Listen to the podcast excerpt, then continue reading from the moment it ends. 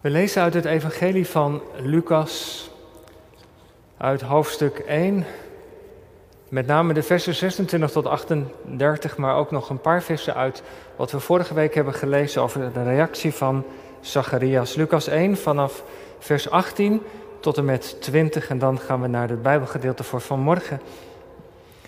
Uit de Evangelie lezen we nadat de engel wonderlijke dingen tegen Zacharias heeft gezegd, vers 18. En Zacharias zei tegen de engel: Hoe zal ik dat weten? Ik ben oud, mijn vrouw is op hoge leeftijd gekomen. En de engel antwoordde en zei tegen hem: Ik ben Gabriel, die voor God sta. Ik ben uitgezonden om tot u te spreken en u deze dingen te verkondigen. En zie, u zult zwijgen en niet kunnen spreken tot op de dag dat deze dingen gebeurd zijn, omdat u mijn woorden niet geloofd hebt, die vervuld zullen worden op hun tijd. En dan gaan we naar vers 26. In de zesde maand werd de engel Gabriel door God gezonden naar de stad in Galilea, waarvan de naam Nazareth was, naar een maagd die ondertrouwd was met een man van wie de naam Jozef was, uit het huis van David. En de naam van de maagd was Maria. En toen de engel bij haar binnengekomen was, zei hij: Wees gegroet, begenadigde. De Heere is met u. U bent gezegend onder de vrouwen. En toen zij de engel zag, raakte zij in verwarring door zijn woorden. En ze vroeg zich af wat de betekenis van deze groet kon zijn.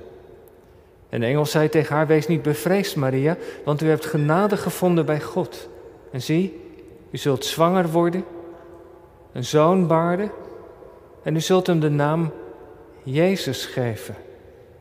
Hij zal groot zijn, de zoon van de Allerhoogste genoemd worden, en God de Heere zal hem de troon van zijn vader David geven. En hij zal over het huis van Jacob koning zijn tot in eeuwigheid. En aan zijn koninkrijk zal geen einde komen.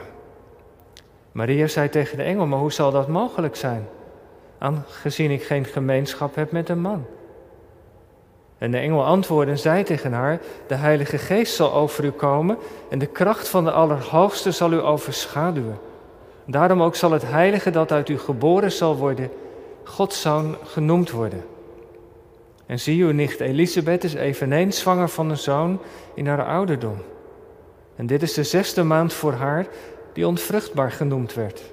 Want geen ding zal bij God onmogelijk zijn. En Maria zei, zie, de dienares van de Heere, laat met mij geschieden overeenkomstig uw woord. En de engel ging van haar weg. Tot zover de lezing van de woorden van God. Zalig zijn we, ze deze woorden niet alleen horen, maar ze ook bewaarden. Halleluja. Het thema voor de preek van vanmorgen is ontleend van een boek van Dietrich Bonhoeffer. Zijn aantekeningen en zijn gevangenisbrieven verzameld in het boek Verzet en Overgave. Gemeente van de Jezus Christus, u die hier in de kerk bent en thuis meekijkt, mee luistert. Als er één ding de afgelopen week het nieuws wel beheerste, dan was dat wel het vaccin tegen corona. De berichten van de verschillende fabrikanten dat het vaccin een onderzoek succes heeft, dat gaf velen van ons hoop. Hoop dat we eindelijk iets tegen het virus kunnen doen. Want daar zien we toch wel erg naar uit. Tegelijkertijd ook de vragen. Maar waar ga je dan beginnen? Hoeveel mensen kunnen er gevaccineerd worden? En wanneer starten we eigenlijk? Gaat het lukken ergens begin januari? Naast al dat positieve nieuws merk je ook bij veel mensen reserve en terughoudendheid. Misschien herkent u of herken je dat wel. Ik denk niet dat ik me als eerste laat vaccineren, zegt iemand. Is het vaccin niet veel te snel ontwikkeld? Is het wel voldoende veilig? En terwijl we ons voor heel veel dingen laten inenten, is er zomaar een groep mensen die aarzelt en slaat de twijfel toe. Hoe komt dat eigenlijk? Ik denk hierom. Omdat wij mensen, mensen zijn van de status quo.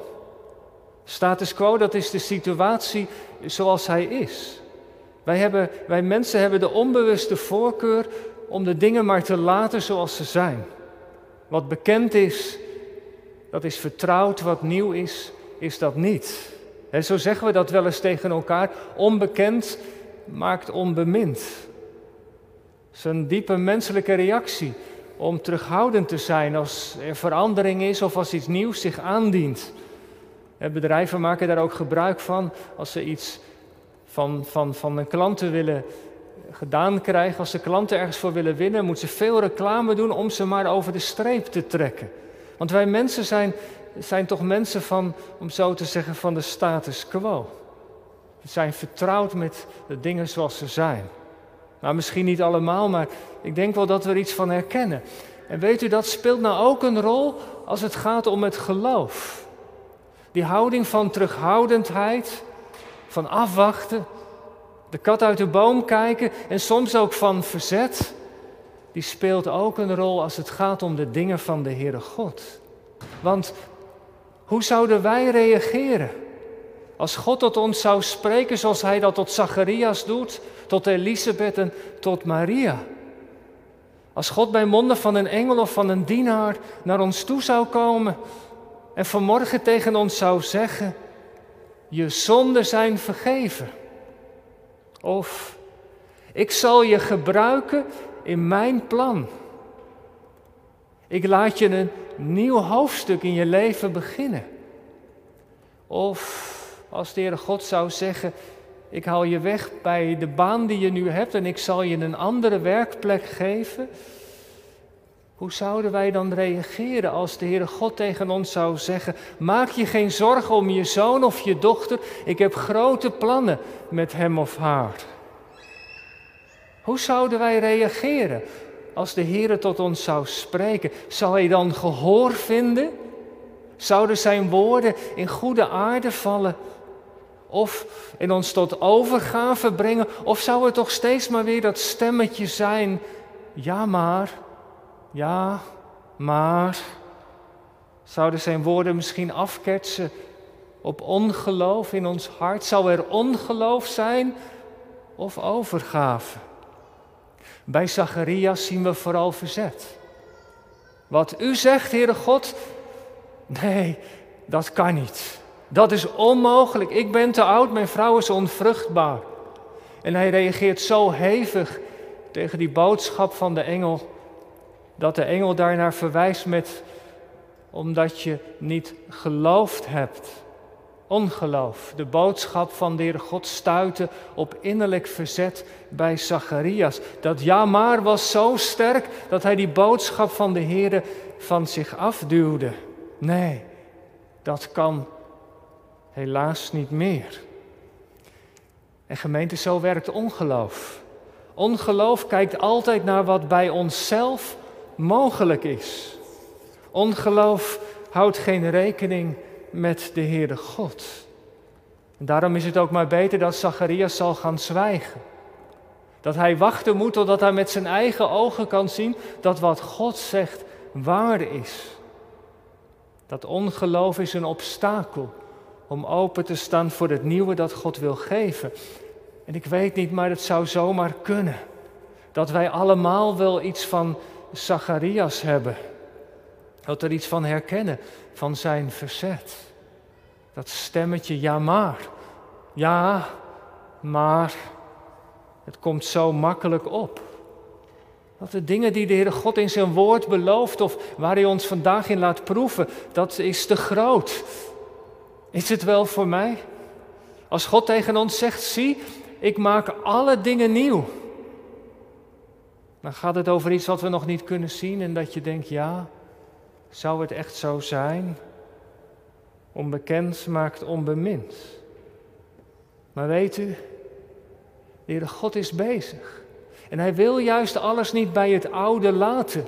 Want al die dingen die in ons leven zo vertrouwd voelen, zou zomaar kunnen zijn dat er dingen bij zijn waarin die niet op orde zijn. Als er dingen niet op orde zijn in ons leven, dan kan het natuurlijk geen minuut langer bestaan, hoe vertrouwd dat ook voelt. Dan zou er juist verzet moeten zijn, zoals er bij Dietrich Bonhoeffer verzet was tegen al die dingen die niet goed waren in de samenleving. Dat er verzet is ook tegen wat niet bij de Heere God hoort. Wat afbreuk doet aan zijn goede geboden. Wat afbreuk doet aan zijn belofte. Want God wil ons juist wegroepen uit de macht van de zonde, uit dat wat zo vertrouwd voelt. En ons iets geven wat alles anders maakt. Hij ziet maar één ding, heel graag, dat wij ons verzet opgeven. Vanmorgen valt het licht op Maria. Ze is, niet, ze is een voorbeeld, zegt de Bijbel, niet van verzet, maar van overgave. Ook zij krijgt een ongelofelijke boodschap te horen. Probeer het je maar eens even voor te stellen. Dezelfde Gabriel, de, de een van de belangrijkste engelen, komt naar haar toe met een boodschap die heel haar leven radicaal verandert. Ze wordt door God begenadigd, uitgekozen voor zijn bijzondere plan. En als je de woorden hoort, dat ze moeder zal worden van de zoon van de Allerhoogste God.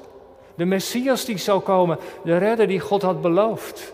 Hij die koning zal zijn tot in eeuwigheid. De woorden van de engelen buitelen over elkaar heen. En Maria hoort ze. En hoe zal dat allemaal gebeuren? vraagt ze. En dan opnieuw. Die wonderlijke woorden over de geest van God die over haar zal als een schaduw zal vallen. God zelf die op een tere wijze in haar schoot nieuw leven zal wekken. Al die woorden die God tot haar spreekt. Waarvan zij op dat moment en wij ook nauwelijks de diepte ervan kunnen bevatten. Over God die mens wordt. Mens als wij. Om de zonde te verzoenen om het koninkrijk van God naar deze wereld te brengen. En Maria als een jonge vrouw ingeschakeld in die grootste plannen van God. Zacharias zei, nee, dat kan niet. Hij verzette zich, maar deze jonge vrouw reageert met overgave. Zie, hier ben ik. De dienares van de Heer laat met mij gebeuren naar wat u hebt gezegd. Ze geeft zich over in vertrouwen. En wat een consequenties hebben die woorden van de Heer gehad. Hoe jong zal ze geweest zijn? 17 jaar? Ietsje jonger, we weten het niet precies, maar, maar dat je als jonge vrouw zwanger wordt. Dat Jozef waarmee je verloofd bent je zal willen verlaten. Dat mensen later schande van je zullen spreken. Heel haar leven wordt ondersteboven gekeerd. En toch, laat met mij gebeuren naar wat u hebt gezegd. Geen verzet, maar overgave. Jongelui, broeders en zusters, als je dat zo hoort, wat is daar nu het geheim van? Dat je zo overgeeft aan de woorden van God. Weet je wat ik denk? Dat het de laatste woorden waren die de engel tot Maria sprak in vers 37, daar, daar zegt de engel, want geen ding zal bij God onmogelijk zijn. Als de engel die woorden heeft gesproken, dan geeft Maria zich gewonnen. En waarom dan? Maria kende dat woord. Het had al veel eerder geklonken in de geschiedenis van Israël, helemaal in het begin, Abraham en Sarah. Ze konden geen kinderen krijgen en dan was er opeens dat woord. Maar voor God is geen ding onmogelijk. En jaren later, ten tijde van de ballingschap, zal het ooit goed komen tussen God en zijn volk. En als het volk dan denkt dat de toekomst over is, is daar de profeet dat voor God niets onmogelijk is. En daarna bij de terugkeer uit de ballingschap, als de tempel verwoest is en herbouwd zal gaan worden. En het volk zit bij de pakken neer. Maar dat gaat ons nooit lukken. Als het volk met lege handen staat, is er opnieuw dat woord van God. Zou voor de Heer iets te wonderlijk zijn?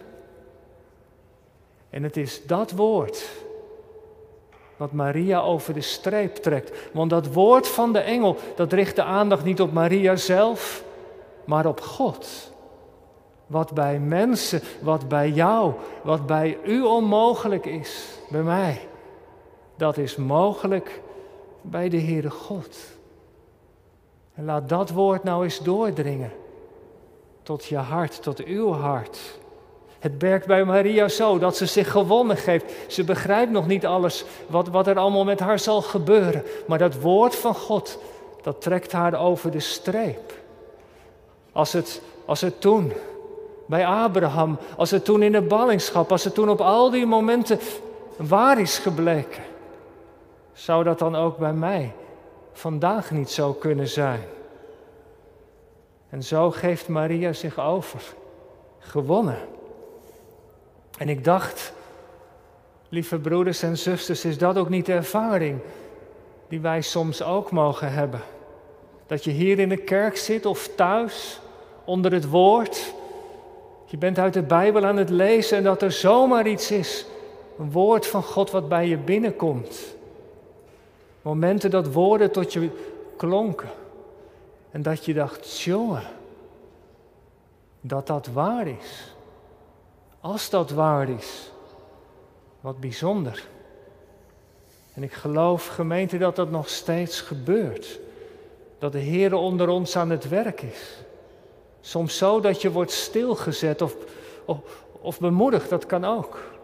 Dat je jaren later nog weet dat moment waarop dat gebeurde, waar je zat of waar je was. En dat je misschien ook wel aan je kinderen hebt verteld of aan anderen op je Bijbelkring. Dat woord van God wat binnenkwam en zo je leven in zijn perspectief zette.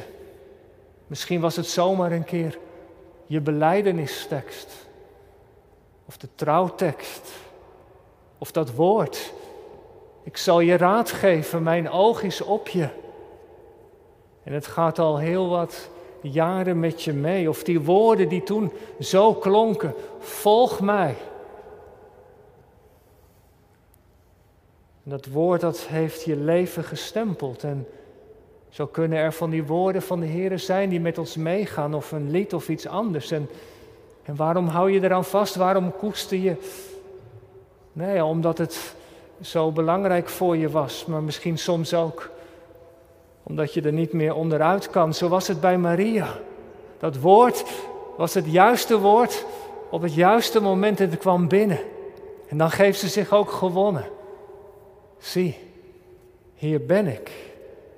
Ze stelt zich dienstbaar op, Maria. En Lucas vertelt dat de plek die zij inneemt in de heilsgeschiedenis van God uniek is. Een hele bijzondere plek heeft zij daarin.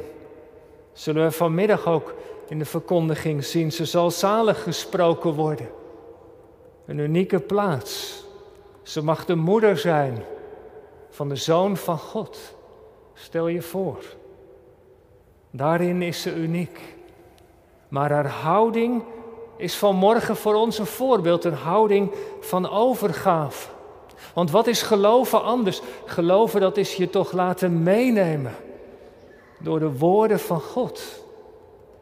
Dat wat er tegen je gezegd wordt als mensen aan je vragen, waarom geloof je eigenlijk? Ja, wat moet je daarop antwoorden? Misschien dit, ik heb een woord van de Heere gehoord en daar kom ik niet meer onderuit. Geloven is dat je gaat meebewegen met de woorden van de Heere. En weet u, soms kan het helpen om daar specifiek om te bidden. Als je naar de kerk gaat, heb je dat gedaan vanmorgen of gisteravond al? Verwachtingsvol, dat je verwachtingsvol zult zijn dat je hier zit of thuis en dat er echt een woord van de Heer tot je wordt gesproken vanmorgen of vanmiddag. Heer, laat er iets bij zijn voor mij. En weet u dat gebed zal de Heer altijd verhoren. Maak mijn hart ontvankelijk voor de woorden van u. En ook moedig dat als u spreekt, dat ik zal gehoorzamen. En ik bid dat het zo vanmorgen zal zijn. Voor jullie, voor u in de kerk, voor u thuis. Als wij het avondmaal vieren. En als wij die woorden van de Heer Jezus horen. Dat ze zullen binnenkomen in ons hart. dit is mijn lichaam voor u.